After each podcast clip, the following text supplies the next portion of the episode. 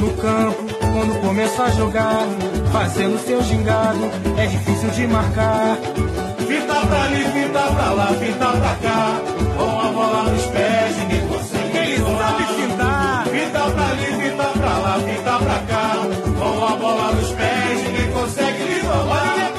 I dag er det, ja, vi kan jo ikke komme udenom det, Brasserbold. Peter og jeg, Andreas Knudsen, vi fylder fire år med vores podcast i år, og det er faktisk i den her uge, vi fylder fire år. Og det betyder jo, at vi nu nærmer os næsten 200 afsnit om det, vi godt kan lide at snakke om, nemlig brasiliansk fodbold. Men der er jo faktisk sket meget siden vi startede, og vi er som sagt langt fra trætte af at snakke om fodbold i Brasilien.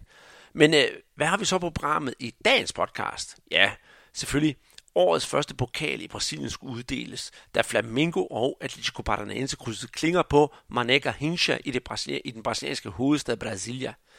Det blev en kamp, der allerede nu viste os lidt om styrkeforholdet blandt de bedste brasilianske klubber, og det bliver spændende at se, hvordan det kommer til at gå, når den endelige rigtige turnering i Brasilien går i gang her. Ja, det er jo nok en gang i slutningen af april og maj.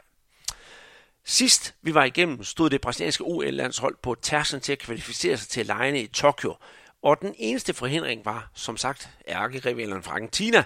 Men hvordan gik det, og kommer Brasilien med, så de kan genvinde de olympiske medaljer? Kigger vi på de lokale turneringer i Brasilien, er der også gang i sagerne. Og her der bliver der snakket meget om ja, et, ja, kan vi kalde det, sexistisk dyreadfærd, verdens underste opgave og om aerodynamik på græsstråene hos Palmeiras. Det brasilianske transfervindue er stadig åbent, og vi giver de sidste nyheder om handlerne i de brasilianske klubber. Til sidst sender vi en øh, fødselsdagshilsen til en spiller, ja, ikke os, men øh, en rigtig brasiliansk spiller, som havde mange facetter. Han var ryger, han var læge, alkoholiker, intellektuel, karismatisk og en fantastisk fodboldspiller. I har måske allerede gættet det. Vi skal nemlig snakke om Socrates, manden der var med til at definere brasiliansk fodbold for 40 år siden. Velkommen til Brasserbold. Mit navn det er Andreas Knudsen. Jeg sidder i Randers og i øh, Belo Horizonte i Brasilien. Der sidder Peter Arnholdt og har fingeren på pulsen på den brasilianske fodbold. Og Peter, det var jo sådan vores øh, spiseseddel. Jeg synes faktisk, den er ret god i den her uge. Der er mange ting at tage fat på, og vi kommer sådan ud over et bredt spektre. Men inden vi rigtig går i gang, så plejer vi altid at snakke om, hvad, hvad der er sket, siden vi har, vi har snakket sammen sidst. Og øh, jeg kan være ærlig at sige, for mit vedkommende, jeg har ikke fået set så meget fodbold, som jeg gerne ville, men øh, jeg tænker på, udover Sokrates har fødselsdag, og vi også fejrer vores fødselsdag, så skal vi jo altså heller ikke glemme øh, en vis øh, brasiliansk kvinde, som i dag fylder 34, og som, hvis man sådan objektivt kigger, kigger på det, synes jeg, er den måske den bedste kvindelige fodboldspiller, verden nogensinde har set indtil dato i hvert fald. Seks øh, seks gange verdens bedste fodboldspiller. Det er jo Marta, vi taler om. Er Marta en kvinde, der bliver nævnt meget i Brasilien?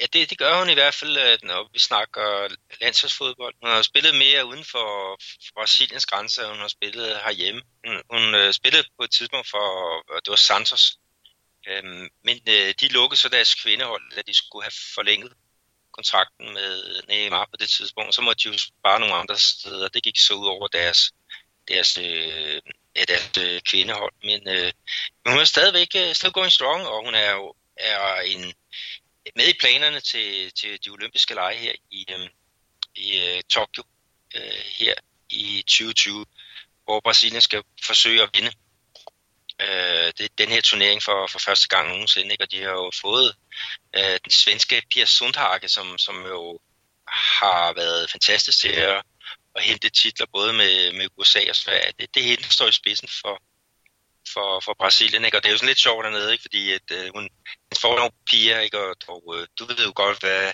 Pia øh, betyder på portugisisk. Det ved jeg det betyder faktisk håndvask. Så der er altid noget grin og noget spas, når det navn bliver nævnt. Men øh, jamen, hun er stadigvæk øh, på, ikke? og øh, øh, nu må vi se, hvor, hvor langt de, de når øh, Brasilien øh, til, til det her OL. Ikke? Og det er jo også meget sjovt, fordi vi får både kvindeholdet og holdet, og så skal vi holde om, om de nu kommer med. Det, det skal vi jo snakke om øh, senere hen. Men jo, jo, hun er, hun er en, der, der fylder øh, her, hernede. Men en anden en, der også fylder meget, det er selvfølgelig Neymar. Og, og der har vi jo så haft... Øh, vi har jo snakket med, øh, øh med, med DR Øh, og øh, det var så Anders Frigård, øh, der er en journalist der, der, der skulle spørge ind til, til Neymar, og alt det der. Og jeg snakkede med ham i, i en god time, også lidt om baggrund, og øh, hvad der, hvordan man kigger på Neymar hernede. Og øh, det er der så kommet en artikel ud af, måske ikke med så mange af de ting, som vi snakkede om, men Andreas Kravl, han er jo også, øh, han er jo så hovedkilden på den artikel, ikke? og han, han fylder så, så med, så det var meget omkring øh, Champions League. Så det er jo også det, der, der interesserer de fleste folk. Men, men spørgsmålet er, jo, om Neymar han kan vinde guldbolden på den tidspunkt. Og det, jeg har jo selvfølgelig mit synspunkt. Jeg ved ikke, hvad, hvad du siger øh, kan han? Jamen det tror jeg bestemt godt, han kan, øh, øh, Peter. Og folk ude på, der hører vores podcast, ved også godt, at vi to ikke har sådan helt den samme holdning til Neymar. Jeg føler, jeg føler, jeg er en smule mere kritisk over for hans øh, meritter, øh, end du er. Og det er jo det, der er så dejligt sundt ved det her, at vi får nogle gode debatter. Jeg tror, han skal, sagtens kan vinde øh, guldbolden.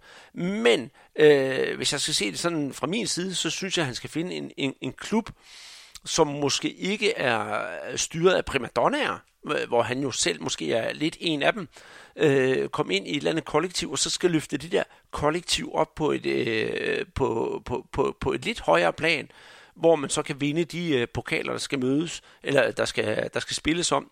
Og det er jo der, kritikken går af, af, af, af at man siger, åh, Neymar, Messi, Ronaldo og alle dem der. Det er måske, at, øh, at, at, at sådan en som, som, som Messi har jo kunne sørge for at få, få, få styrket Barcelona på en eller anden måde, uden at have så meget øh, bling-bling omkring sig. Og det er, jo, det, er jo, det, det er jo den evige debat. Men hvis Neymar lader fødderne tale, og lader skaderne, og, og være, lader skaderne øh, til side, fordi han har også været meget skadet, det må vi indrømme, så tror jeg godt, han kan komme op på det der helt høje niveau, som vi alle sammen drømmer om og alle sammen håber på. Og selvfølgelig, hvis han kan løfte pokalen fra Brasilien til, til VM i Katar, jamen øh, så er målet jo nok nået. Men derfor synes jeg ikke, at han behøver ikke at høre vinde VM eller vinde øh, de der kæmpe, kæmpe store turneringer for at, at få guldbolden. Han skal bare vise øh, et stabilt niveau i et længere stykke tid. Og det synes jeg, han, altså, han er godt på vej til, og han er også begyndt at lægge lidt af sit bling-bling på, på hylden.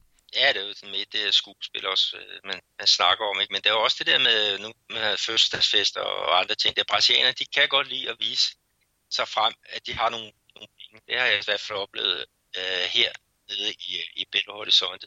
Sådan er kulturen øh, for, for mange spillere, så på den måde så er det ikke unaturligt for ham at, at lave de der store fester. Øh, men det, der er mange europæere, der får ondt et vist sted, øh, når, når det sker.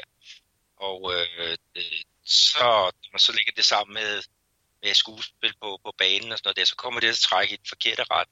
Men hvis han fokuserer på sin fodbold, og folk de kan tillade ham, at han laver det der fester og, og, og, og det andet, øh, men træner godt og spiller godt og sådan noget der, så bliver han også verdens bedste øh, fodboldspiller. Øh, det er jeg er ikke i, øh, mindst i tvivl om. Men, men, øh, men sådan er det. Men vi fik jo her, øh, øh, hvad det var i december, der fik vi jo bedste klubhold, og det blev jo så Liverpool, men øh, øh, dem, der blev nummer to i den turnering, det er jo et hold, som, øh, som du kender meget godt, og de, de er jo kommet rigtig fint fra start. Det, uha, Peter, nu trykker du på en, øh, på, en, på, på en knap, der får hele mit, øh, mit sind til at, til at koge op, og det er ment på en god måde, fordi, øh, øh, som sagt, øh, Flamingo, øh, nummer to til, øh, til VM for klubhold. Det er der ikke ret mange, der har glemt i Brasilien i hvert fald, og man synes stadigvæk, at, at, at det var en kæmpe, kæmpe bedrift. Og selv som objektiv Flamingo-fan, synes jeg, synes jeg også, at det var, det var fantastisk gjort. Især når vi ser, hvad Liverpool gør for øjeblikket. De kører jo alt over med en majetærsker. Så jeg er jo kun glad for, at Flamingo kunne stå lidt imod dengang. Men det er jo det, øh, vores første punkt handler om i aften. Det er jo den brasilianske Supercup. Altså en øh, finale, kan vi roligt sige, mellem øh, øh, øh, hvad det, pokalvinderne fra 2019 og mestrene fra 2019. Og det er var mellem øh, Flamengo og Atletico Paranaense. Flamengo var på forhånd favorit. Kampen skulle spilles i Brasilia, øh, altså Brasiliens hovedstad, på øh, Estadio Mané og øh, det er jo en af de her hvide elefanter fra VM i 2014, som endelig bliver brugt igen. Og der har Flamingo jo været gode, sammen med Vasco for øvrigt, Peter, til at øh, kan man sige, udlicitere deres kampe, så de ikke spiller hjemme på Maracanã, men rykker kampene ud af landet, eller ud af, ud af Rio, øh, og, og får en masse fans ind på, på andre stadions. Øh, selve stadion er et fantastisk stadion. Planen er noget værd at møg. Det kan vi ikke komme udenom, men det er sådan en generel ting i, i Brasilien. Man har svært ved at holde nogle gode planer. Og øh, kampen, den, øh, det var en, en fest uden i. Der var 50.000 mennesker, der havde bestilt billet, og alle sammen var jo nærmest røde-sorte, fordi Atletico Paranaense har jo også en rød-sort uniform. Så det var en, øh, en, en, en super, super, super god optakt, der var til den her kamp. Der var noget, øh, noget efter min mening, sådan et trivielt øh, forhårmusik øh, med nogle let påklædte damer, inden kampen gik i gang. Men så var det mandlige, de mandlige tilskuere i hvert fald, de havde fået fokus på, hvad der skete på banen. Og det, der skete på banen, det var en fantastisk kamp mellem ja, Flamingo og Atletico Paranaense. Flamingo, der kom med buller og brag og øh, gerne ville fortælle, hvordan man skulle spille fodbold i Brasilien, og det gjorde de. Og øh, en halvleg, øh, første halvleg i hvert fald, øh, ja, øh, der blev scoret to mål øh, Gabriel Barbosa var den ene, og så Bruno Henrique var den anden, så om en rækkefølge skete. Men i det hele taget en kamp, hvor Flamingo bare kørte Atletico Paranaense over de første 40 minutter, og så lod de så Atletico Paranaense komme lidt til fadet de sidste ja, 5-10 minutter af første halvleg, og, og de slækkede lidt på deres spil. Og Atletico havde faktisk også et par gode chancer, men der var tydeligt klasseforskel. Anden halvleg fortsatte nærmest, hvor første halvleg var sluppet. Øh, Flamingo kras, øh, klø, klø på, eller kørte på, og øh, ja, de øh, havde hele kampen under ja, stor kontrol, og så scorede det jo også til 3-0 af ingen ringer end Gregorian de Arrascaeta, øh, manden, som jeg altid priser, øh, priser øh, lovpriser utrolig meget. Og så var kampen jo nærmest lukket, og selvom Flamingo slappede af og lod Atletico kunne komme til fadet i sidste øh, kvarters tid, og de havde også et par gode chancer, det skal, skal det til siges, så var det jo en kamp, hvor Flamingo virkelig demonstrerede, hvilket monsterhold de har i år. Og øh, man kan jo altså godt frygte lidt for, at øh, det allerede giver sådan en pejling på, hvordan det vil gå i turneringen i år. Og om det, jeg vil spørge dig om, Peter, tror du, hvis Flamingo øh, kører den her stil, som de gør nu, med den styrke, de gør, og de spillere, de har, tror du så, de kommer til at skævvride den brasilianske turnering, så vi får, ja, lad mig sige det på den måde, skotske tilstanden? Ja, det, det godt, skotske tilstand, det kræver nærmest, at der er et, et hold, der, der, der er oppe og sig, og det må jo nok være Palmeiras, ikke? Sådan, det bliver en, en duel mellem de to, men de, de er i en, en liga for sig, og det, og det ser man på, altså ikke alene på den der offensive trio uh, kvartet, de har med Bruno Henrique, Gabi Gold, Arrascaeta og så Everton Ribeiro, hvor er de bare dygtige. Og så nede i den, den anden ende, der har de jo så også Thiago Diego Alves, som, som øh, redder kastanjerne ud af, af ilden, og når modstanderne kommer til skud. Og de har, jeg tror, at de har tre, tre forsøg, hvor han virkelig øh, leverer varen.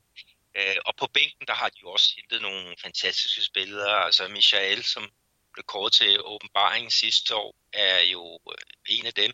Og så har de faktisk hentet en midtstopper i Leo netop fra Atletico Paranaense. Så, ikke? så det er jo også det der med, når man, når man kan hente spillere hos modstanderne, øhm, øh, øh, dem, som, som også vinder titler, ikke, så, så kommer man jo styrket ud af det, ikke, mens modstanderne de, de, de øh, kommer, ja, øh, bliver svækket.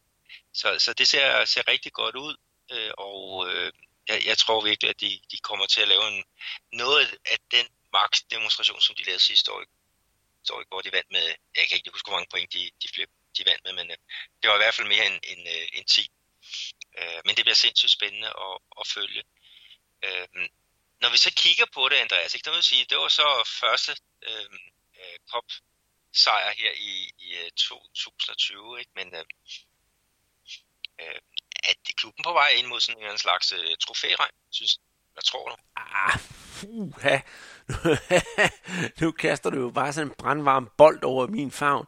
Men øh, umiddelbart så siger jeg øh, til at starte med, ja, det, det har vi. Vi har øh, Tassa Guanabara, som er jo en, en del af, af statsmesterskabet Rio.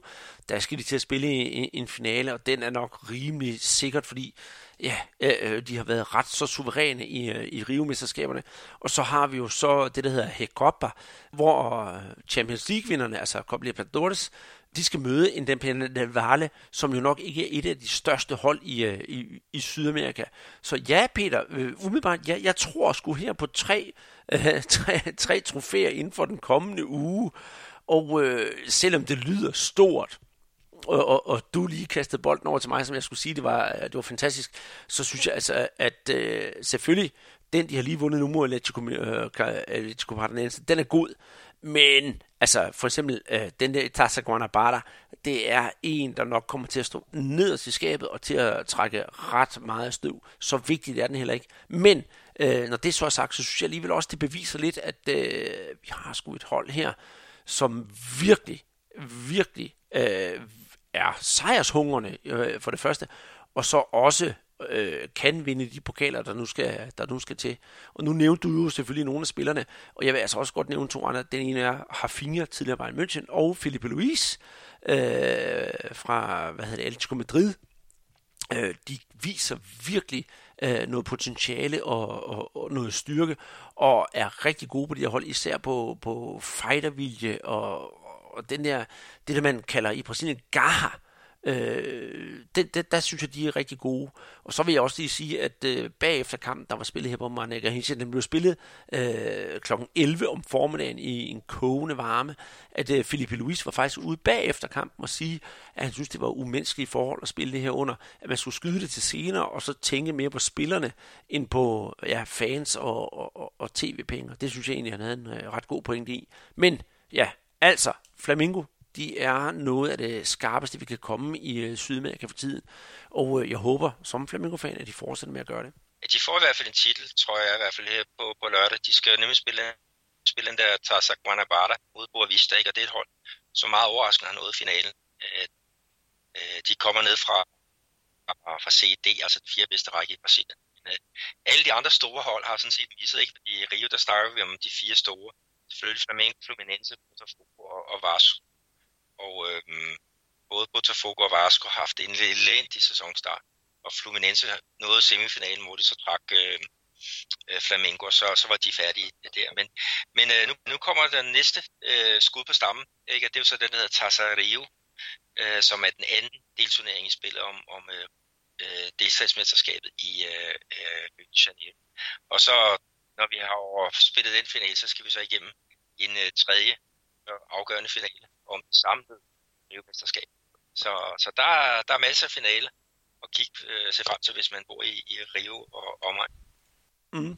Men der er noget, jeg godt lige vil spørge dig om, Peter, i det her Supercop og, og alle de her øh, turneringer og så videre, og du har jo selv rost øh, øh, Flamingo. Jeg er jo bange for, at vi er på, på brasserbold, så det bliver mere, bliver, bliver mere Flamingo-bold. Du øh, er jo stor Vasco-fan, det ved jeg. Øh, hvor meget frygter du, som også er Vasco-fan, også og som, som, som en, der holder af, af fodbold i Brasilien, hvor meget frygter du Flamengo for den kommende sæson? Jeg tror, de kommer til at vinde næsten det hele. Altså, der er vel øh, Copa Libertadores, ikke, hvor der er River Plate, som også er, også er et fantastisk øh, godt hold. Og så selvfølgelig i, i Copa Libertadores, hvor der er, er, er det ude og hjemme, ikke? og det er jo ikke alle steder det er lige nemt at spille, så selvfølgelig kan de falde det er på vej. Men jeg, jeg tror, de, jeg tror de, de kører hele vejen. Men jeg er glad på brasiliansk fodbold, fordi her der har vi altså en klub, hvor økonomien den er i orden, og de har råd til at hente spillere, øh, som tilhører den, den øverste hylde. Og, og de er et eller andet sted ved at, at rykke lidt ud af den brasilianske øh, bedste række ikke? og over i, i det, vi kan kalde eliten på, på verdensplan. Og det er jo i hvert fald en god udvikling, men det kan, selvfølgelig, vi skal have nogle flere klubber deroppe, ikke? Palmeiras, de kan også øh, gøre det. Øh, øh Grêmio og, og International kunne også være rigtig gode at, at få det op af, men øh, der kommer nok til at gå lidt, lidt, øh, lidt tid med det. Men der er jo masser af store klubber nede i Brasilien, som har ondt i, i økonomien. Øh, og det har, det har Flamengo ikke, og, og øh, de, de kører for, for fuld smadret. Og øh, øh, jeg hæber på dem, selvom jeg ikke holder med den, øh, fordi at, øh, vi skal have vi skal have brasiliansk fodbold til at rykke øh, og gøre fodbold hernede endnu bedre, end hvad den i forvejen er. Og der, der skal der altså nogle, nogen til at trække toget. Det er jeg fuldstændig enig med dig i. Det er jo i den situation her de sidste mange, mange år, at Brasilien er jo bare et stort foderbræt til, øh, til de store europæiske klubber, og det kunne jo godt være, at det, det var sundt for fodbolden i Brasilien og i Sydamerika for den sags skyld, at øh, der kom, øh, kom lidt modstand, så vi måske fik sådan, øh, ja, øh, altså nu er jeg jo nostalgiker, øh, og tænker netop tilbage, vi skal jo snakke om Sokrates senere, den måde det var lidt i, i 80'erne, hvor alle de store stjerner rent faktisk blev hjemme i, i landet, men det har jo også mange årsager til, at de, var, de blev hjemme. Men Peter, penge, penge, penge, det er jo altid det, det drejer sig om i, i fodbolden, og et sted, hvor man kan finde rigtig mange af dem, det er i øh, Copa Libertadores, og øh, nu har vi jo så haft et øh, par brasilianske hold i gang i Copa Libertadores øh, turnering, altså kvalifikationsturnering. Og øh, i og med, at vi har haft to i gang, og der er nogen, der går videre, så synes jeg faktisk, at øh, vi lige skal holde en lille Guadalajara-pause, og så spiller vi jo den her fantastiske Libertadores-hymne, og så snakker vi bagefter, hvordan det gik for ja, henholdsvis øh, Corinthians og International.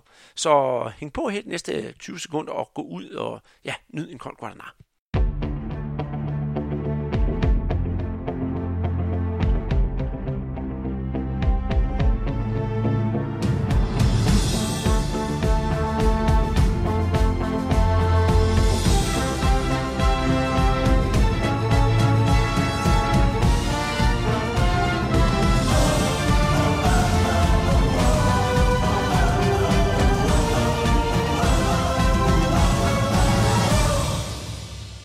Så jeg håber, at øh, I har fået en, øh, en kold guadana derude. Det har jeg, og det har du vel også, øh, Peter. Det skal jo nydes, når man ikke kan få noget brasiliansk sodavand. Og vi skal til at snakke om Copa Libertadores, øh, øh, klubturnering over dem alle i, i, i Sydamerika. Altså øh, svaret på øh, Champions League i Europa. Og øh, vi har fået to hold, som, øh, vi har, der er mange hold nu, men der er to brasilianske hold, som har været i, i kamp siden vi har snakket sidst. Og vi skal altså til at snakke om øh, International.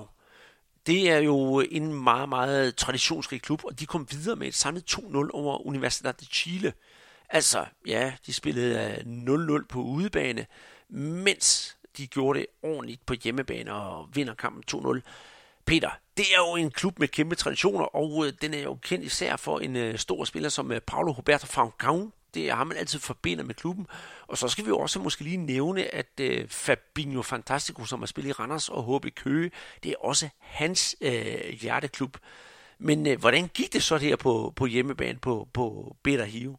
Jo, de leverede en, en, en rigtig god øh, indsats, og, og, og de afgjorde faktisk fra, fra bænken indskiftet øh, Buschelia og så Markus Guilherme. Det var de to, der, uh, der afgjorde uh, potten øh, for at sige på godt dansk. Ikke? Så, så de er så videre til den, den tredje og sidste kvalifikationsrunde, inden at vi kalder øh, på gruppespil. Ikke? Og, og her der skal de så møde øh, Tolima fra Colombia, ikke? og vi optager her onsdag, og de skal faktisk spille den første kamp her i aften. Så det er jo, det er jo rigtig spændende. Men de har jo øh, øh, angriberen, som i hvert fald husker fra VM, også der hæppede på, på Danmark, nemlig Paulo Guerrero. Øh, han spiller jo her i den her øh, Porto Alegre-klub. Og så har de jo så også D'Alessandro, øh, argentineren, som, som har spillet på landsholdet og, og også øh, spillet i tysk fodbold. Og han er en, han er en gammel øh, herre efterhånden der, men han spiller rigtig, rigtig, rigtig godt. De, de har fået en ny argentinske træner, som, som går ind og har nogle af de der gode dyder med noget fight og noget hurtigt passningsspil. Ikke? Og, og det ser ud som om, han rimelig hurtigt har fået implementeret hans idéer. Det så vi også sidste år, hvor vi havde Sam Paoli i, i San, Santos, altså hvor han virkelig gik ind og fik sat sin, sit øh, fingeraftryk på, på Santos' hold. Øhm, og det gjorde jo også, at de blev nummer to i ligaen. Ikke? Og det er spændende at se, hvad, hvad den her argentinske indflydelse kan, kan betyde for, for, for Inter. Øh, indtil videre, så to svære kampe mod Tolima, det er der ingen tvivl om, og, og der var for nogle år tilbage, hvor huske øh, Corinthians, de havde deres øh, Galacticos-hold, øh, ikke med Ronaldo Fenomeno, og de havde øh, Roberto Carlos, altså to af de gamle Real Madrid-spillere. De havde bare en stjerneparade, og de var også ude i sådan en, en knald- eller faldkamp øh, i, i, øh, i den indledende fase mod netop Tolima, og, og de, de røg så ud øh, til den, ikke? og det gjorde, at, at øh, deres fans, Corinthians fans, de gik helt amok. De smadrede spillernes biler og og øh, det er faktisk med Roberto, Roberto Carlos. Han i lyset af det valgte sige, jamen, jeg, jeg skal ikke spille her mere. Jeg, øhm, jeg, jeg, jeg, skal, jeg skal finde et, et andet sted. Så mener, han sluttede af i, i Tyrkiet, øh, og så, så også øh, hvad var det, Kazakhstan, tror jeg også, han, han var i. Men, men det bliver ikke let, men øh, øh, på papiret er international øh, favoritter til at gå videre til puljen, hvor at i den pulje, hvor de er placeret, det, der er så også Græme. Så det vil sige, der får vi jo verdens ondeste derby, hvis, hvis øh, det hele går, går op i en højere enhed, altså derby mellem øh, Grêmio og Nacional. Mm, og det fik vi jo faktisk en smagsprøve på her sidste uge, så det kan vi jo kun glæde os til. Og jeg synes også, hver gang der er den så sidder jeg også kline til fjernsynet, og så skriver jeg en masse beskeder til, øh, til, til, til Fabinho, øh, gerne med, at, øh, at det må gå internationalt godt, fordi han er faktisk en rigtig god mand, hvad det angår at få information af. Og øh, jeg kan desværre ikke huske, Peter, hvilken podcast det er, men vi har jo haft en snak med Fabinho, hvor han netop fortæller om det der fjendskab, der er mellem de to klubber, og det synes jeg, han gør rigtig godt. Hvis jeg kan finde det, nu skal jeg lige sådan tænke mig, hvor det ligger. Så skal jeg nok se, om jeg kan linke, øh, linke det op på vores Twitter-profil, eller på Facebook, eller hvis der er nogen af jer lytter derude, der lige kan huske, hvilket afsnit det er, så skriv endelig til os, eller læg det op på de sociale medier, så andre også kan høre det. En anden klub, Peter, som øh, var godt i gang i den her turnering, det var jo Corinthians. Og i sidste podcast, der snakkede vi jo om, at øh, de havde ryggen mod muren, og om de klarede den eller ikke klarede den. Og jeg skal ikke øh, komme ud på, hvem der sagde hvad, om de klarede den eller ikke klarede den. Men, øh, ja, de skulle jo egentlig bare have en øh, 1-0 sejr på hjemmebane, men sådan gik det ikke. Øh, Guadani det er jo simpelthen øh, Corinthians form for øh, svar på Spanien og Danmark, for hver gang Guarani de har mødt, øh, eller hver gang Corinthians har mødt Guarani i Copa Libertadores, så ryger de ud. Det er jo altså ligesom i 2015, hvor de også over to kampe øh, gik ud til, til Guarani fra, ja, fra Paraguay. Det er jo heller ikke særlig spændende. Øh, de vinder 2-1 hjemme, men de har tabt 1-0 ude, så det er jo på udmål, de, øh, udebanemål, de falder. Og det er jo del med skidt, fordi Peter, kampen den starter jo godt. Buller og Brav fra Corinthians, de får scoret hurtigt og kommer foran 2-0. Og så er det ligesom om, at øh, ja, ja, så glemmer de egentlig, hvad de skal i anden halvleg, og så, så er det bare ned ad bakke. Ja, du, du skal have med også, at, at efter en halv times øh, spil, så får de udvist øh, Pedrinho, øh, deres øh, 23 landsholdsspillere. Han var lige kommet tilbage fra OL-kvalifikationsturneringen i Colombia, og, og startede ind og, og, og gjorde det øh, fint. Øh, får en, ret, en advarsel ret tidligt, og så øh, efter en halv time, så kaster han sig ud i, i et aksespark, hvor han altså rammer en modstander øh, i, i hovedet, ikke? og så øh, var der kun en vej, og det var, det var ud. Øh, men der stod den 1-0, øh, og så kommer de jo så foran øh, øh 2-0 ved Buscelli, selvom de var i undertal. Hvis I lige tager med, det var Luan, der, der scorede det, det første mål. Og så i anden halvleg, der, der er det klart, hvordan der skal op og presse, og der er det så Fernando Fernandes, som reducerer øh, kort ind i anden halvleg til, til 2-1 direkte på frispark. Og det var faktisk hans første øh, frisparksmål i en, øh, i en kamp øh, overhovedet, øh, professionel øh, se. Så det var, det, var, det var noget vildt. Og det var faktisk set det halvt sjovt ved det, at, at øh, selv samme Fernandes, han scorede også tilbage i 2005, øh, hvor der også var en kending af dansk fodbold, som øh, også scorede mod Corinthians. Det var ingen andre end øh, Federico Santander. Så, så, men, men altså, du har ret, og det var også dig, der havde sagt, at Guarani de havde gode chancer for at, at gå videre. Øh, jeg vil 8 påstande, hvis øh, Corinthians ikke, øh, hvis de havde spillet 11 mand fra, start til slut, så, så havde de også øh, klaret det. Men sådan er det, tingene afgøres på, på banen, ikke? og ja, 40.000 Corinthians på, på det her stadion, stadion i São Paulo, øh, de måtte gå, gå skuffet hjem, ikke? og Øh, men alligevel, så, altså Corinthians, de, de, de er ved at få samtømret et interessant hold under deres nye træner øh, som, som havde øh, Atletico øhm, øh, Paranaense sidste år. De er ved at ændre lidt fra stærk defensiv og så kontroverseret til at, at kunne sætte spillet. Og øh, det er Thiago Nunes, det er han altså ved at få implementeret. Så, så, så jeg, det er mange penge, de mister på den her, på det her exit, men øh, jeg, jeg tror nok, de skal, skal hente et på, på den lidt længere bane. Mm.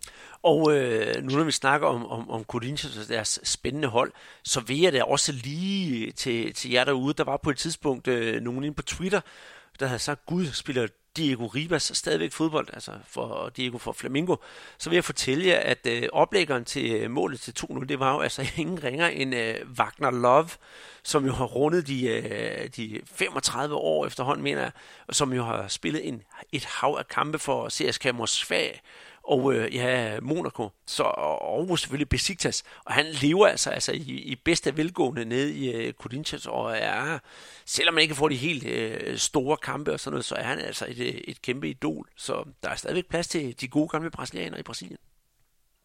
Ja, vi kan så også lige sige, at, at han var jo kendt for hans øh, lange flætninger, hvor han hele tiden havde nogle forskellige farver øh, ude i. Altså rød, når det var fra en ene klub, og når det var fra Brasilien, så var det typisk noget gult eller blåt, han havde flettet ind han er altså pilskaldet øh, den dag i dag, så, så tiden har også sat øh, et mærke i hvert fald på hans, øh, hans øh, hvad hedder det, is. så, så, så, sådan er det.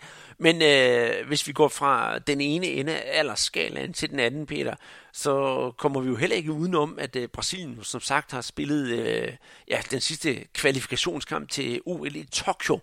Og sidst vi, vi snakkede sammen, så skulle de spille mod Argentina, og det var på, ja, på sin vis lidt en, en, en knald- eller faldkamp.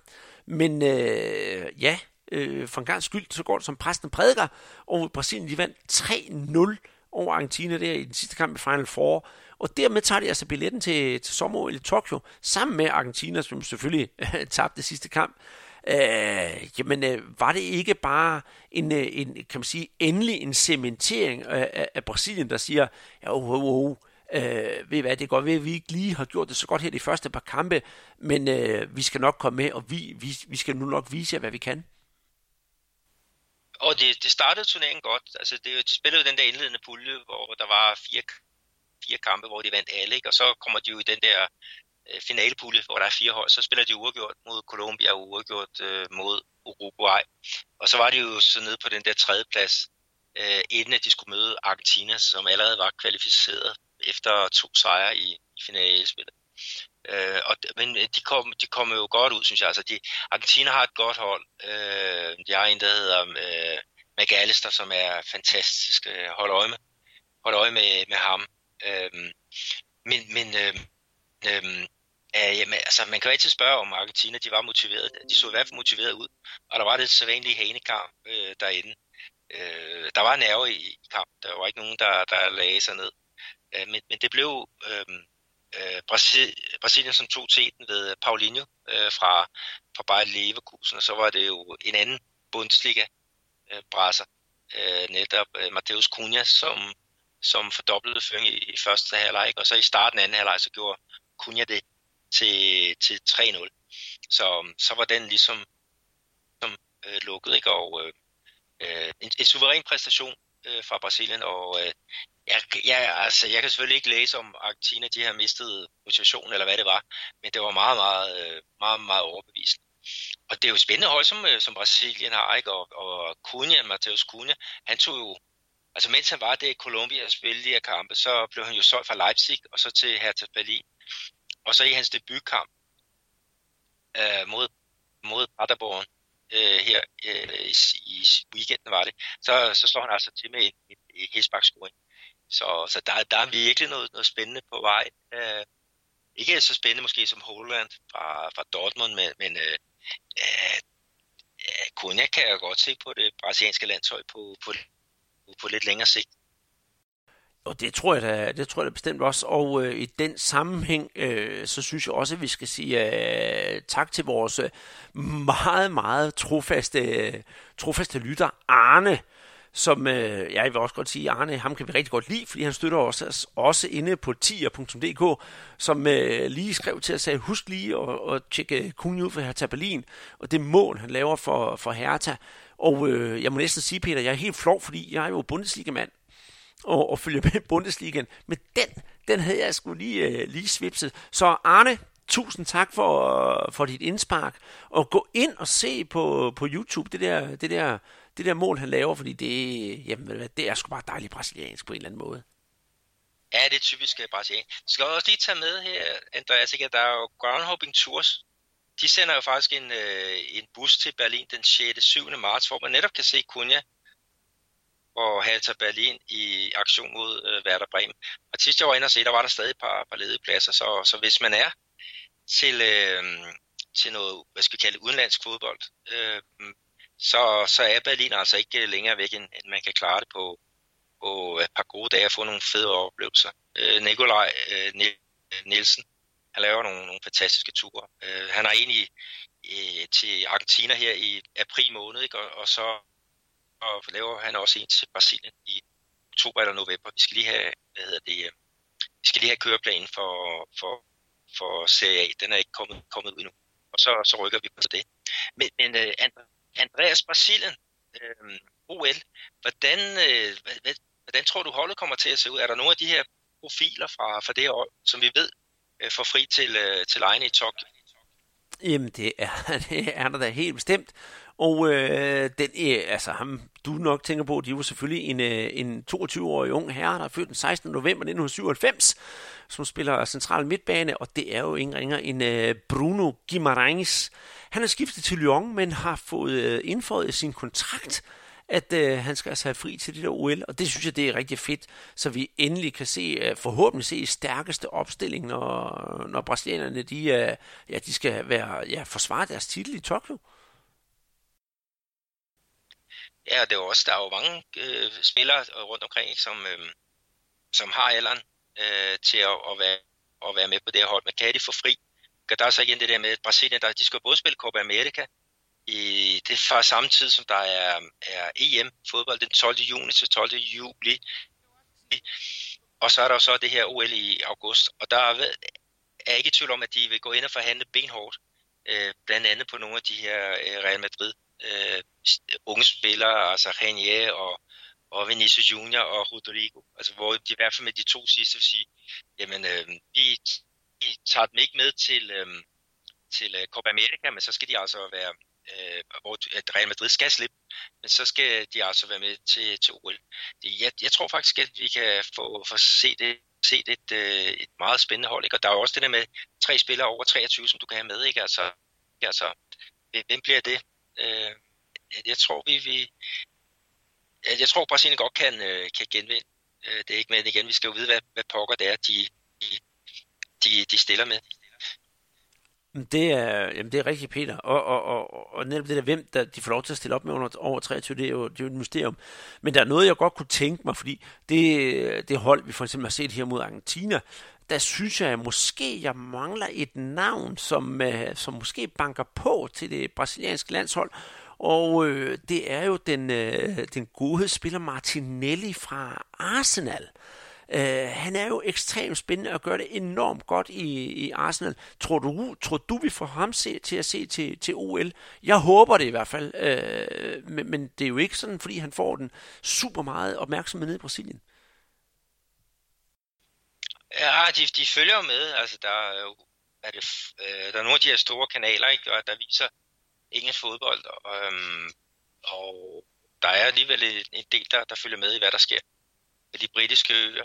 Og Martinelli, han hiver altså også nogle overskrifter hernede, nede på, hvad det er, Globe og, og hvad, det, hvad der ellers er. Men jeg tror, vi får ham at se enten til, øhm, til OL eller også til, til øh, Copa America, altså spillet om det, det sydamerikanske mesterskab. Det kan jo spilles både i Colombia og Argentina og Brasilien, de ligger ud øh, i Colombia. Øh, det er deres base der i puljespillet, ikke? og så, så må vi se, om de ender i finalen i Buenos Aires, øh, når det hedder den, den 12. Øh, juli. Øh, men det, det bliver, bliver rigtig spændende. Men jeg tror virkelig, der er, altså det, at der er nogle af de her unge fyre, som, som vi får i hvert fald set enten det, det ene eller, eller det andet sted. Og øh, Jim Rice, hvis han ikke kommer til OL, så spiller han øh, Copa America. Jamen, det er jeg da fuldstændig sikker på. Altså, han er jo en fantastisk spiller. Om ikke andet, så landshold, landsholdet, det brasilianske landshold, spiller VM-kvalifikationskamp mod Bolivia den 26. marts i Recife, og derefter i Peru, eller mod Peru ude den 31. marts. Og det bliver jo faktisk spændende at se, om der er nogen af de her øh, OL-spiller, som vi netop har snakket om, øh, der, der kan komme med. Jeg tror nu ikke, at Martinelli kommer med, men, men, men om der er et par stykker af dem, der får chancen her til at, til at starte med, det glæder jeg mig meget til, og det ved jeg selvfølgelig også, du gør.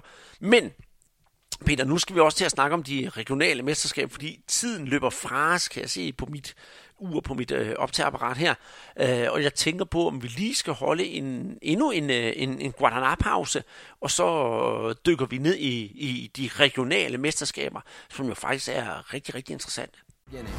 Let's keep spreading the flavor of Brazil to the world. No matter where you are, we'll take Guaraná Antarctica all the way to you. Guaraná Antarctica, original from Brazil. Yes! Nu er vi klar igen, Peter. Øh, en pause, den er altid god. Jeg har fået tanket op igen, og jeg skal også være, lige, være lovlig ærlig at sige, også noget med en tur på toilettet. Men øh, nu skal vi til at snakke om de regionale mesterskaber. Den har været fyldt med diverse derbys og, og, og alle mulige interessante ting. Men det jeg egentlig synes, at vi skal tage fat på allerførst, det er øh, den, øh, hvad kan man sige, ja, nu er der en, øh, en verdensudspændende trend mod, mod sexisme og så videre. Men øh, vi havde jo en, øh, en tosset hane på, ja, øh, hos Atletico Mineiro, og du har jo skrevet om det på vores Facebook-side, og en lille video, som er gået, øh, altså blevet et, et, et viralt hit på den kedelige måde i, i Brasilien, fordi folk har fået fri harme over, ja lad os sige det på den måde, at, øh, hvad hedder det, Atletico Mineiros kvindefodbold, de skulle spille et, et hold, eller kvindefodbold, fodboldhold, de skulle spille en kamp, og øh, Ogalo, øh, hanen, som er deres maskot, han der er en af spillerne, jeg kan ikke huske, hvem af dem det er, det er sådan set også fuldstændig ligegyldigt. Hanen, han kigger på hende, får hende til at vende sig rundt, studere hendes, for at sige det på rent dansk, studerer hendes røv, vender sig om, og så går hanen ud sådan med, med hænderne foran munden, som sådan, uha, nu skal jeg til at spise noget rigtig lækkert. Og øh, ja, øh, meget kan man sige om det. Nogen siger måske, åh, oh, okay. Men øh, jeg tror, hvis folk de viser videoen og spørger deres koner derhjemme, siger, hvad synes du om det? Så tror jeg, alle øh, koner vil sige, hvad er dog det for noget? Øh, jeg synes, Peter, nu har jeg set videoen, at øh, til at starte med, så grinede jeg bare og rystede på hovedet. Og så da jeg så den anden gang, så tog jeg det sådan lige til eftertrækning og så tænker, ved hvad, det er fandme, undskyld at sige det, lummer værkstedshumor af værste skuffe. Og nu kender jeg så Brasilien. Og ved, at Brasilien det er et meget mandsjovinistisk og sexistisk samfund.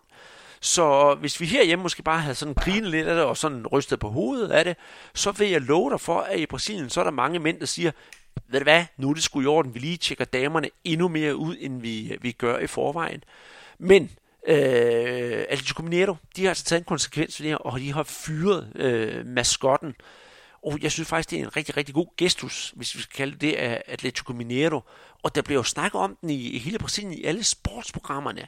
Er vi ved at få, få hul på den der byld, øh, som, som er sexisme i brasiliansk fodbold, og, og, og kan tage det ud af, af, af konteksten, så vi kan respektere kvinderne, som de er, og øh, at de også har en, øh, en rolle i fodbolden, både som øh, ja, spiller og som linjevogter. Ja, inde på, øh, jeg har jo debatteret den inde på vores øh, øh Facebook-side, øh, hvor der har været nogle, nogle anvendelser, altså, ah, men det er jo ikke noget, og ah, det, sådan det, det at tage dig sammen, og det, det er jo ingenting. Ikke? Og der, der må jeg så også indrømme, der bliver jeg sådan lidt, lidt heldig, ikke? og, og øh, Ja, fordi jeg synes, jeg synes sgu ikke, det er i orden. Altså, jeg havde også den samme reaktion, som du havde der, hvor man, man trækker på smilebåndet. Fordi sådan er vi, sådan er jeg i hvert fald naturlig. Jeg er jo ikke så heldig igen. Øh, men så bagefter, så, øh, så kan jeg godt se det der problem i det, ikke? at der står nogen, der skal respekteres for deres, deres fodbold, og så bliver de sådan forvandlet til et stykke øh, kød. Øh, to, to baller, baller og en, øh, øh hvad hedder det, og, og noget lyst hår, ikke? Øh, og, og det er, det er sgu, det er bare ikke i, i år. Øhm, og, og, og igen det der med, det bliver sådan hurtigt det der med, ah, slap nu af, og sådan noget der. Sådan, men så, er der også, så skal vi også slappe af med nogle andre ting. Så skal vi slappe af med racisme, for eksempel. Ikke? Jamen, ah, men det var jo bare noget, altså på, i fodboldverden, der må man, altså på stadion må du godt. Det er jo sådan mange, der har den der holdning. Man siger, nej, men altså, det der sker inde på stadion, det afspejler også det, der sker uden for stadion. Og hvis vi har de der ting med, med racisme, inden for stadion, så er det også fordi, det er ude i samfundet. Og vi kan lige så godt starte med at, at rydde op i, i de der øh, sager. Altså, jeg har, jeg har ingen problemer med folk, der trækker på smilebåndet, men de kan bare efter, bagefter sige, og det synes jeg må godt, man kan sige, ej, det var sgu over grænsen, det der. Øhm, sådan synes jeg, den skal, den skal takles, og øh, sådan en, man snakker meget om institutionen Atletico Mineiro, altså de kan ikke, øh, de kan ikke have den der øh, siddende på sig, og de har været ude og, og undskylde spilleren og ja, fansene og, og også hold, holdkammeraterne. Og øh, hende, det gik ud, gik ud over. Øh, hendes kæreste spiller i øh, Flamengo. Hun var jo så også, også ude på Twitter og, og, og kritisere øh, den der situation, altså hvor hun siger, at det, der, det, det gav hende, hende simpelthen kvalme. Altså, hun vil respektere som en fodboldspiller, ikke som, som vi snakker om der, øh, to, to stykker baller i et, et par, par shorts. Og Atletico har faktisk tidligere haft problemer, Andreas. Kan du, kan du huske det med, øh, tog det var tilbage i 2016, hvor de havde et mærke, der hed Dry World, øh, hvor der var noget i, i selve den der vaskeanvisning, som også var, var over i den, den sexistiske afdeling. Ja, der var vaskeanvisningen jo bare, giv den til din kone. Altså, og det, åh, ja, det irriterer mig så meget, når det her er Brasilien, fordi jeg kan også godt stå og grine af den der Peter, og jeg tror også mange kvinder, der vil grine af den her hjemme i Danmark, og så bare give den til manden og sige, ja, du kan sgu selv vaske den. Men, men, men som jeg også sagde tidligere, og du også har kommet ind på, så er Brasilien bare delt fuldstændig op. Det er fedt, der er stadigvæk det der fuldstændig opdelte samfund, hvor manden på 25 Øh, han har garanteret ikke flyttet hjem fra sin mor endnu, men altså, hvis han så flytter hjem fra sin mor, så bor han sammen med konen, så kommer han hjem fra arbejde, så forventer han jo bare, at maden står på bordet, hjælper ikke til med rengøring, noget som helst. Altså, det er så opdelt. Det foregår næsten mange gange, ligesom det gjorde i 50'erne i Danmark, og man er ikke kommet videre. Og når man har øh, de der sjove hens, lad os kalde det det, øh, øh, så hjælper det jo bare til, at samfundet ikke kommer videre. Og jeg vil også sige, Peter, at øh, vi har også nogle gange øh, øh, grinet lidt af at sige, det er jo sjovt, at hver gang der er en brasiliansk linjevogter i, øh, i, i, i de der CRA-kampe. hvordan kan det så være, at de har tætsiddende shorts, for det har mændene i hvert fald ikke. Jeg kommer til at tænke på, Hafinha, han har også meget tætsiddende og korte shorts på. Det er sådan nogle shorts, de kvindelige linjevogter på, og så har de gerne også en stram trøje på, så man virkelig kan se deres former og det har mændene ikke. Og jeg kommer til at tænke mig, er der en årsag til det? Og, og, og hvis man også kan komme det til livs, så kvinderne har samme uniform på som mændene, jamen så var alt bedre og alt mere ligestillet, og så vil man også undgå den her ballade. Så var det ikke sikkert, at Ogalo Doido havde gjort det, han havde gjort. Nej, altså, jeg, jeg tror, hvad hedder det, den, den tossede hane har jo bare, hvad hedder det, tabt, tabt suten og, og været vild over at være sammen med en masse øh, kvinder, og så skulle den have øh, hele armen, ikke? Og, og der har han så øh, gået over stregen. Men, men altså, Brasilien er langt fremme på, på nogle områder. Altså, det, for eksempel det, eksempel det, du snakker om med linjevogter. Der er rigtig mange linjevogter i, øh, i bedste række. Øh, det ser vi jo for eksempel ikke i den danske Superliga. Der er faktisk også en kvindelig dommer, der dømmer i den, øh, den allerbedste række. Det ser vi heller ikke i, i Superligaen. Øh, også med hensyn til sportsjournalistik, øh, der, der har været et projekt, det var Fox Sport, her der under VM øh, kører sådan noget med kommentere den, der kan. Den, der ved, tror jeg faktisk øh, er den rigtige oversættelse, ikke? hvor det kun var kvinder, der, der kommenterede øh, de her øh, VM-kampe. Og øh, der er så også et, et øh, talkshow, der, der kører øh, en gang om ugen, hvor det er, er tre eller fire kvindelige eksperter, der, der samles og snakker om, hvad der er sket i, i fodbold. Og, og de tager også nogle andre emner op. Øh, her, øh, jeg så det her øh, i sidste uge, hvor der var fire kvinder, der sad det der med um, den der rainbow flick, som Neymar lavede um, for Paris Saint-Germain. Ikke? Altså hvor det der med, med er dribling, er det football art, altså er det kunstfodbold, eller er det en provokation? Øh, det, og det får de, øh, altså de tager nogle andre ting om, som, som måske øh, herrerne, hvis man sådan kan generalisere lidt, måske ikke øh, bruger så meget øh, krudt på. Øh, og der var også i forhold til det der med spillere, der tænder af. Øh, Felipe Melo var men der er midt i 30'erne, han ikke kan styre sine sin følelser inde på, på banen. Er, er det vinderinstinkt, eller er det simpelthen ganske gemet dårlig opdragelse? Og kan man måske gå ind og ændre lidt på det der mindset? Øh, og det, det, der var der en psykolog, der var inde og, og, og snakke om, om det. Ikke? Og også det der med, hvis du går ind og ændrer på et mindset, vi snakker også om Gabi Gold, der får mange udvisninger, ikke? Øhm, og hvor Gabi, øh, hvad hedder det, George Jesus, deres træner, sig, skal ikke gå ind og ændre for meget ved hans mindset, fordi det er også den der egoisme, der gør, at han laver to mål i, øh, i slutfasen i Copa Libertadores og, og skaffer os videre øh, til, til, til VM, ikke? og vi vinder det der store trofæ. Så det, altså, det, det der sports kvindelige del, øh, sportsjournalistikken, Øh, den, den, øh, den indeholder faktisk rigtig mange fine ting, som mænd også skulle, skulle gøre øh, i og for sig, men øh, det gør det ikke. Øh, men, men der er, der er ja, altså, Brasilien kan nogle ting, men så er der også nogle andre ting, hvor det er, er sådan rent øh, stenalder-agtigt. Øh, mm. Og jeg vil, jeg vil lige her fra afslutte den her, Peter, så vil jeg også gerne øh, sende en kæmpe, kæmpe stor ros ud til en af vores øh, fælles venner nede i Brasilien, en, øh, en kvindelig sportsjournalist, jeg tror godt, du ved, hvem jeg tænker på, nemlig øh, Haisa Simpligo, som øh, virkelig gør et kæmpe, kæmpe stykke arbejde inden for, for sportsjournalistikken i Brasilien, og hun har også været med i det der program, du snakker om, øh, hvor, hvor, hvor kvinder får lov til at deltage. Hun er fast inventar på TV Flamingo, og så er hun jo også med i Brazilian Global Tour, og øh, laver interviews med spillere og så videre rundt omkring i hele verden, når Brasilien er ude at rejse. Og øh, ja, øh, har Isa, hun har, må vi sige, udseende med sig, men hendes kompetencer som journalist, de er simpelthen fremragende. Og øh, der synes jeg virkelig, at, øh, at, at hun viser netop, hvad, hvad, hvad, hvad kvinder kan i sportsjournalistik, sportsjournalistik i Brasilien. Ja, det, det, er, øh, øh, det er flot, det arbejde, øh, laver. Med, med kæmpe stor ros til vores øh, fælles ven Raisa, så må vi jo nok heller komme til at snakke om de regionale mesterskaber, Peter, fordi nu har vi næsten snakket et kvarter om, øh, om øh, sexisme i brasiliansk fodbold.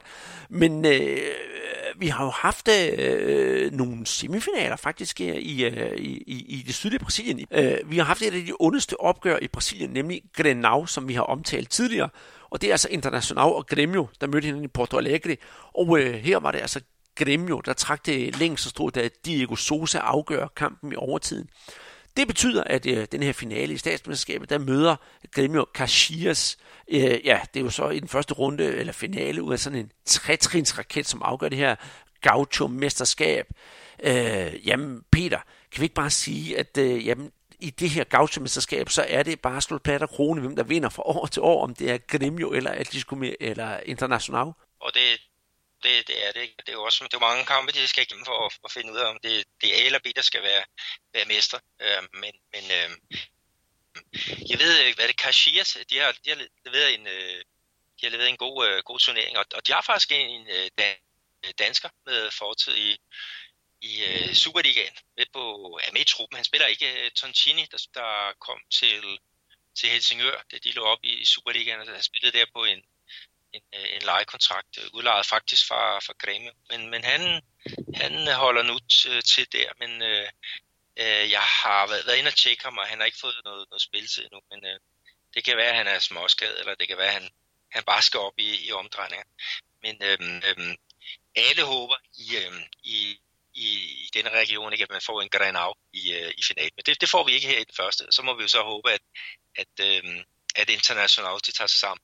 De skal lige tage med også, at International de spiller på hjemmebane, for så, hvad hedder det, udvist en, øh, en spiller lige i øh, ja, kort før første halvleg. Øh, men de spiller, de spiller sgu en rigtig øh, god, god kamp. Men, men Grêmio, altså, de hiver Diego Sosa øh, ind på en kontrakt, en, en ældre herre, ikke? Og det er jo sådan en Grêmio klassik, altså de kører med deres, deres øh, egne talenter, hvor Everton øh, Cebolinha er, er en af, af profilerne, og også en kæmpe, kæmpe spiller i, i den her kamp. Ikke? Og så hiver de jo øh, Thiago Neves, som også er oppe i 30'erne, og så Diego Sosa, som har haft en lidt halvsvag karriere. Men deres træner, Renato Gaúcha, altså det virker som om, han kan, han kan sige de rigtige de rigtige ting til spillerne, således at de, de øh, præsterer. Øh, så, så det bliver meget, meget spændende at, at følge øh, Grêmio øh, her i, i den her sæson. Deres, øh, hvad hedder det, deres blanding af eget og, og eget ungt og ældre og gammel, og den, øh, den igen øh, giver, giver frugt. Altså, de vandt øh, Libertadores tilbage i, og det var 2017. Øh, og det, det vil de jo gerne, den, den vil de gerne gentage her i år, selvom det bliver svært.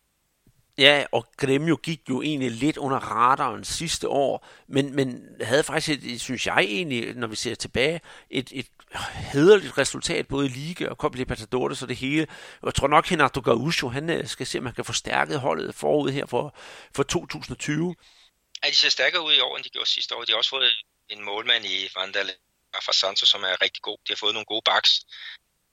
Øhm, og jeg, jeg, jeg synes, det så, så godt ud, men Renato Gauche, han, han rasler også lidt med sagen og sagde, at hvis der ikke kommer nogen investeringer, så, så er jeg ikke træner her øh, øh, i så lang tid. Så, øh, og han havde en point, det, det, det må man sige. Han har gjort et kæmpe arbejde, og man snakker om, at øh, han, han bliver Chichis øh, øh, afløser som øh, brasiliansk lands, landsholdstræner.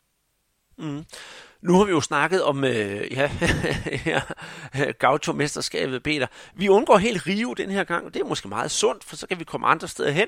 Og jeg synes, vi skal øh, køre lidt op nordpå, og det er måske ikke så meget for, for, for selve turneringen, men der, der bliver altså spillet øh, i, i det, der hedder Copa Nordeste, og så kommer øh, kælenavnet senere, nemlig det, der hedder Classico dos Clásicos, altså klassikernes klassiker, hvor øh, Nautico og øh, Sport Recif, de mødtes. Og det er, det er grund til, at jeg tager det op, Peter, det er fordi, det er øh, som kuriosum, i det de ældste klassiker opgør i Brasilien, og det første gang, de spillede mod hinanden som, en, øh, som et derby. Det var altså tilbage i 1909, så det er altså et 100 år gammelt derby, vi har med at gøre her, og så kan jeg bedre forstå, at det hedder Classico dos Classicos. Og her, der vandt uh, Nautico, måske lidt overraskende over Sport Recife, i uh, Copa de Nordeste, og Copa de Nordeste, for det er jo Nordøst-Brasilien, de har altså et øh, lidt sjovt kælenavn, og det er jo altså ingen, ikke ringer end, øh, det bliver kaldt for Lampions League, opkaldt efter den øh, savnomspundne øh, Dick Turpin-agtige karakter. Det er op, der hed øh, Lampion, som i dag er blevet romantiseret lidt og blevet sådan nærmest en Robin Hood, men det var han altså ikke dengang.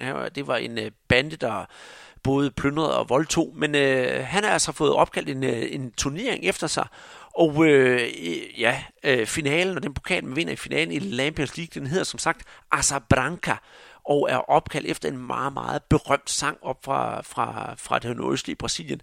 Så øh, ja, der fik vi altså også lidt øh, brasiliansk kultur med ind i fodbold i det her, i det her afsnit.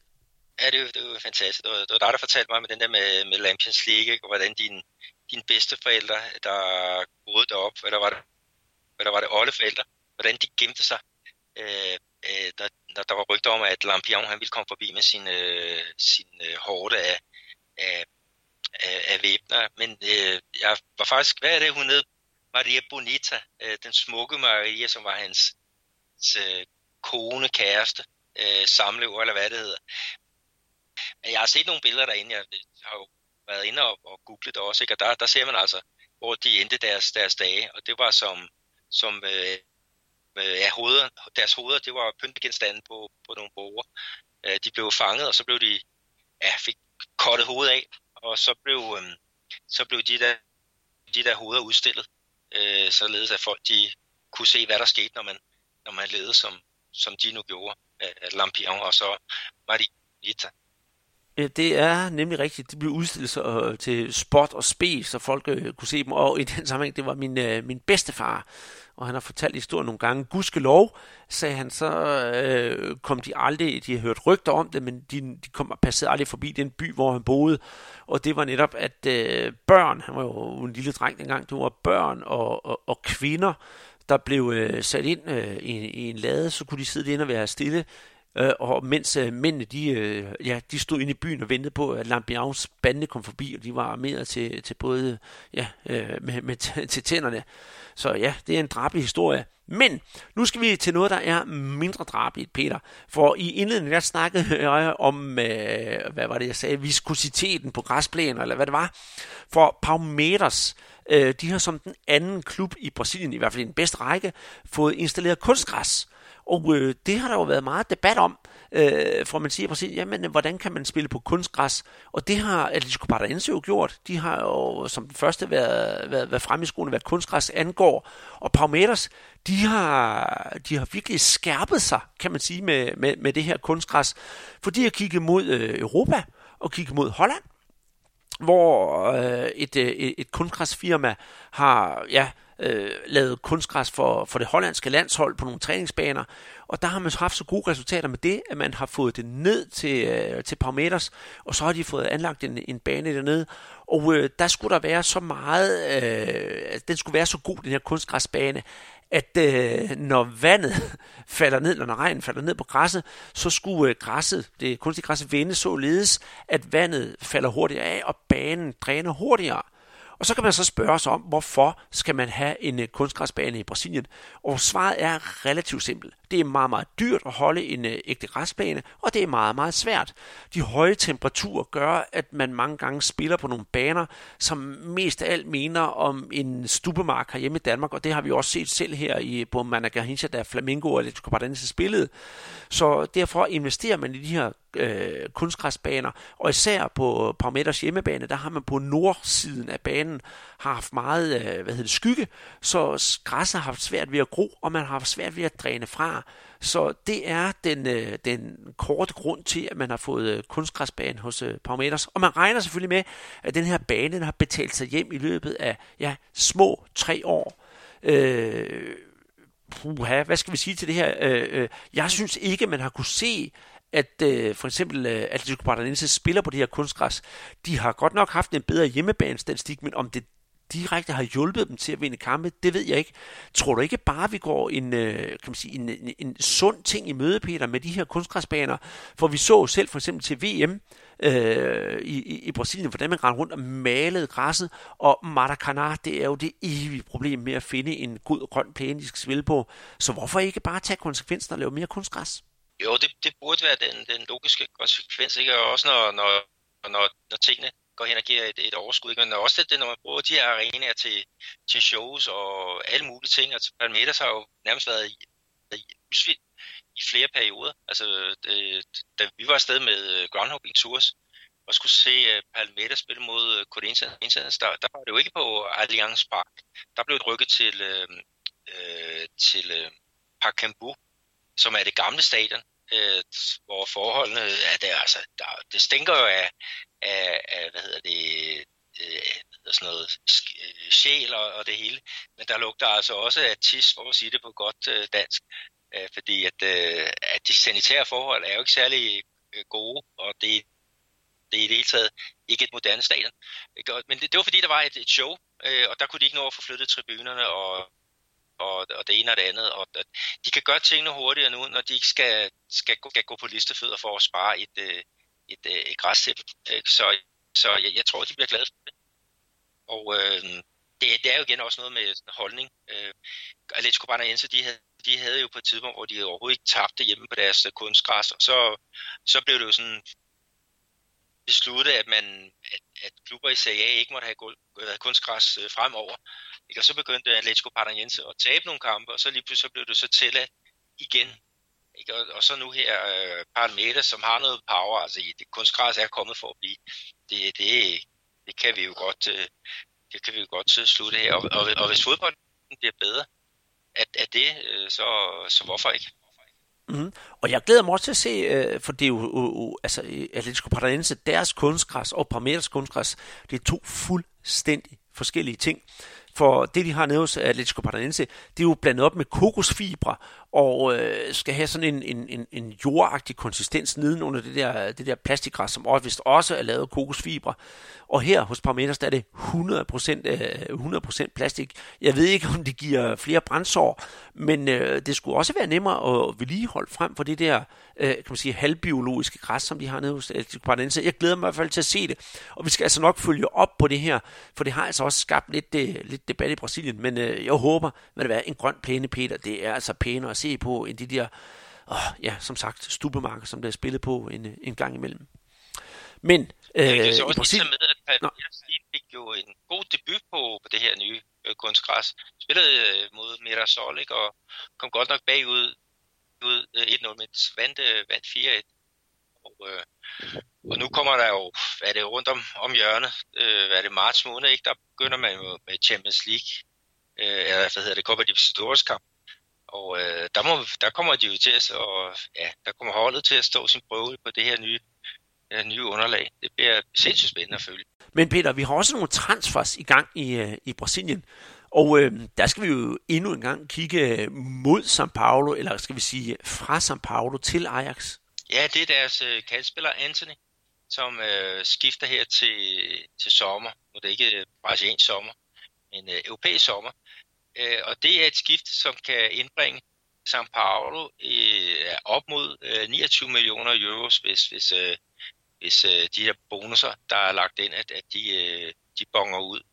Øh, og det, det er sådan en lidt sjov øh, konstruktion, fordi for, for tre år tilbage, der solgte man faktisk øh, deres øh, kandspiller, en anden kandspiller, David Nettes, øh, øh, netop også til, til São Paulo, og der er noget med den handel, der som kommer til at influere på den her handel med, øh, med Anthony. Så, så det er, det er, det, det, det er en lidt, lidt spændende konstruktion. Men uh, sådan er det jo nogle, nogle gange. Men han er jo en øh, rigtig spændende uh, spiller og var med på det brasilianske U23-landshold, som, som, som kvalificerede sig til OL. Her, uh, jeg, jeg synes, han, han har lidt Gardinci over sig med hans start-stop-finder. Han er meget venstrebenet, uh, men, men er rigtig god en mod en, og, og uh, er sådan gået hen og blevet sådan en, en publikumsfavorit på, på Morumbi, hvor, hvor São Paulo uh, Øh, hører hjemme. Men, men øh, han skal til Ajax, øh, og han skal lære en masse ting. Han har stadigvæk et meget koldt uh, højre ben, men, uh, men øh, Ajax plejer jo at være gode til at ud, at udvikle kantspillere. Så, så må ikke vi får Anthony op på den højeste hylde, øh, som med, med tid. Og så er der jo en anden en, der, der spørger lidt en historie, øh, og det er, jo, det er jo folk, der holder med Manchester City, de vil jo ikke genkende til, til det navn. Ja, det drejer sig om den 36-årige ivorianer, nemlig Yaya Touré, øh, som øh, rygtes til, til, til Botafogo. Og det synes jeg, ja, øh, jeg synes faktisk, det lyder mere sjovt, end det lyder interessant.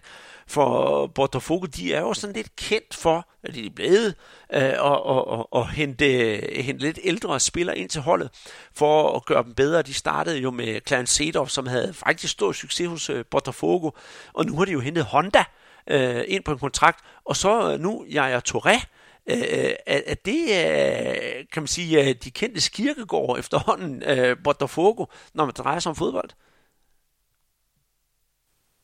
Ja, det, jeg, nu ved jeg ikke, hvor, hvor meget liv der er i det der øh, i Honda og, og Touré. Altså nu må vi jo se, om Touré overhovedet øh, kommer til, til klubben. Men det er, det er blevet sådan lidt Botafogo International øhm, med, med, med så to store øh, navne. Men de skal selvfølgelig bidrage, fordi det, det er jo ikke nogen, nogen billige her.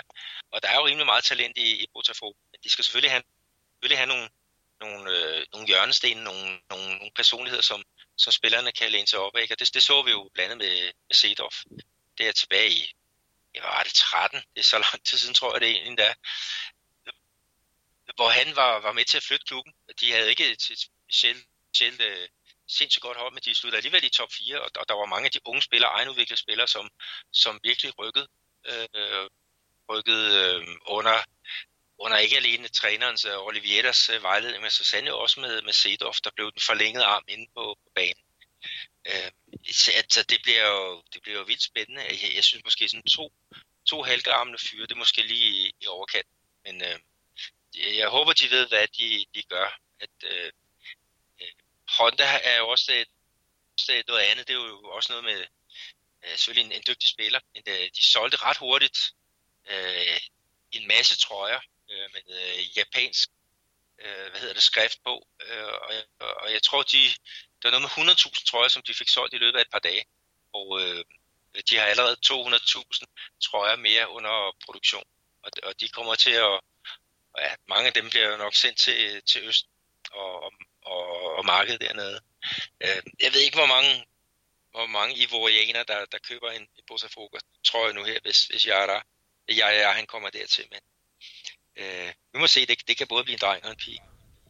Ja, det bliver i hvert fald spændende, og vi skal nok følge op på det, det rygte, og alle de andre rygter, der går ned i Brasilien, for der er jo altså nogle, øh, nogle stykker. Men Peter, vi skal jo til at slutte den her podcast, fordi vi har jo snakket langt over tiden, øh, hvad vi havde planlagt. Det er jo sådan set kun dejligt, det betyder, at vi har noget på hjertet, men vi skal jo slutte lidt af med en, øh, en, en, en fødselsdag af de større, nemlig ingen ringer end øh, ja, Dr. Socrates, som øh, ja, i dag, den øh, 19. i anden, vil være fyldt 66 år. En, øh, en, en, en mand, som øh, hvad kan man sige, i, øh, i, i levende live, du måske har set mere fodbold fra, end jeg har, for du er jo lidt ældre, end jeg er, men øh, jeg husker ham fra 82 og 86 og så videre. Men, men det er jo den spiller, som mange definerer som værende den øh, alvidende spiller og intellektuelle mand, som øh, også lidt ligner Che Guevara og stod som sådan en eller anden politisk fanebærer i Brasilien. Og så kunne han lave et hamrende flot mål til VM i, øh, ja, i både 82 og 86. Ja, han er en, en, en legende hernede, ikke? og i, i hans gamle klub, øh, Corinthians, ikke? hvor han var sådan en, en demokrati øh, Øh, forkæmper. Ikke? Der har man en, en statue af ham både på, på deres øh, gamle anlæg, øh, men, men også inde på deres, deres nye øh, arena. Ikke? Øh, og der står han der med, med hånden øh, knyttet over, over hovedet ikke? og, og øh, øh, viser, viser vejen frem. Altså han var virkelig en, en øh, kæmpe lederskikkelse. Og på det hold, der var i, i 82, ikke, der var det jo ham, der blandt alle de her personligheder var en det var ikke Sico. Sico var, var jo en kæmpe øh, person, ikke? Og, og kom jo frem til hvide belæg i 78 og, og var et kæmpe ikon i, i øh, Flamengo. Men det var altså Sokrates, der var, var, var ham, der, der, der dirigerede ind på, på banen fra hans, hans øh, position på, på midtbanen. Han, han strøg jo også meget frem af i, i banen, og, og jeg mener, han lavede, jeg tror det var 66 landskamp. Han tabte kun fem af dem, og scorede alligevel 25 mål, sådan hvad jeg øh, kunne læse statistik ind på, på fodboldforbundets øh, øh, hjemmeside. Så han er, han er jo en kæmpe, kæmpe, kæmpe profil. Men han havde så problemer med, øh, hvad jeg sige, han havde ondt i livet, øh, havde for mange problemer med, med, øh, ja, med alkohol og, øh, og, og døde så alt, alt øh, for tidligt. Øh, men, men du, du lavede jo som en, en, en podcast øh, om selve bogen, ikke? hvor du, ja, du kunne jo ikke tage fat i Sokrates, men du kunne tage fat i en anden Ikke? Mm, og nu stiger du selve, selve bogen. Det drejer sig om den bog, der hedder Dr. Socrates, øh, jeg tror nok også, den hedder Dr. and Philosopher. Jeg har den altså ikke lige foran mig, Peter. Men øh, den er skrevet af en øh, skotsk journalist, som er bosat i Brasilien, der hedder Andrew Downey. Og jeg kan anbefale den bog på det varmeste.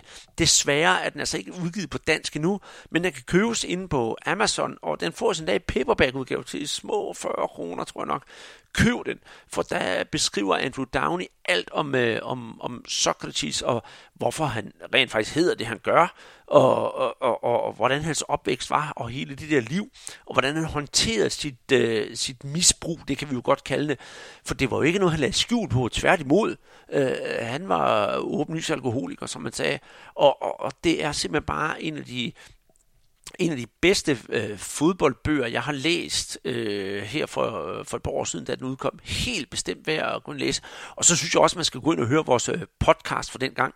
Man skal bare søge på Brasserbold og Socrates, og jeg tror den også, hvis man begynder med SoundCloud, så står den op i vores øh, favoritter. Gå ind og hør den. Vi starter også to Peter med at snakke lidt om, hvad vi husker ham for, og så har jeg en rigtig god snak med, med, med, med Andrew Downey. Og jeg kan fortælle jer derude, at øh, selv øh, Andrew Downey, og der breaker jeg den også over for dig, Peter, har for nylig været ude og snakke med ingen ringer end Roberto Rivellino. Og øh, skal, altså er ved at udgive, jeg mener, han er ved at udgive en bog, eller sådan ved at udgive en interview, og det glæder jeg mig enormt meget til. Og det ved jeg, du også kommer til, Peter, for han er jo, er jo en af dine store helte. Men Socrates, gå ind og, og, og, og, og hør vores podcast, køb bogen, og for øvrigt, vi skal jo også lige sige, at inde på Mediano Socrates, det er jo rent faktisk noget, der hedder, der er der jo en øh, dejlig lang artikel om netop også øh, Socrates, som, øh, som Mediano har skrevet. Så gå ind og læs den og bliv klogere på en spiller, som havde utrolig mange facetter. Og så skal vi jo selvfølgelig lige have anekdoten til sidst, som Andrew Downey også fortæller i den podcast, jeg lavede med ham, at da han kommer til Fiorentina og skal ind til lægetjek, så står han, øh, så vidt jeg husker, og ryger en smøg, før han skal ind til lægetjek, og så da de kommer ud for at hente ham, så siger han, du står og ryger. Så siger Socrates bare noget så cool, nej, jeg står bare og varmer lungerne op. Så det, det er jo også en mand med utrolig meget, øh, meget humor. Og med det, Peter, tillykke til Socrates, så øh, lukker vi altså podcast ned for denne her gang. Jeg håber, I derude er blevet klogere på, hvad der er sket i brasiliansk fodbold her den sidste uges tid, og sådan i det hele taget. Og vi er jo enormt glade for den øh, respons, vi får både på Facebook og på Twitter. og så videre. Og husk at gå ind og give os en anmeldelse ind på iTunes. Skriv til os på brasserbold.dk. Ja, følg os selvfølgelig ind på Twitter og, og på Facebook. Og så er der jo lige tier.dk Gå derind og støt os med, med lidt, lidt skilling, så kan vi lave nogle bedre programmer, måske øh, tage lidt mere ud af huset, få lidt bedre udstyr, og så når du er nede i supermarkedet, så køb lige bare Guadana ned i tasken også, fordi så går det også vores vej på et, øh, på et tidspunkt. Og med det, så lukker vi podcasten ned for denne her gang. Mit navn, det er Andreas Knudsen, og i Belo Horizonte i Brasilien, der sidder Peter Arnholdt. Tusind tak for denne her gang.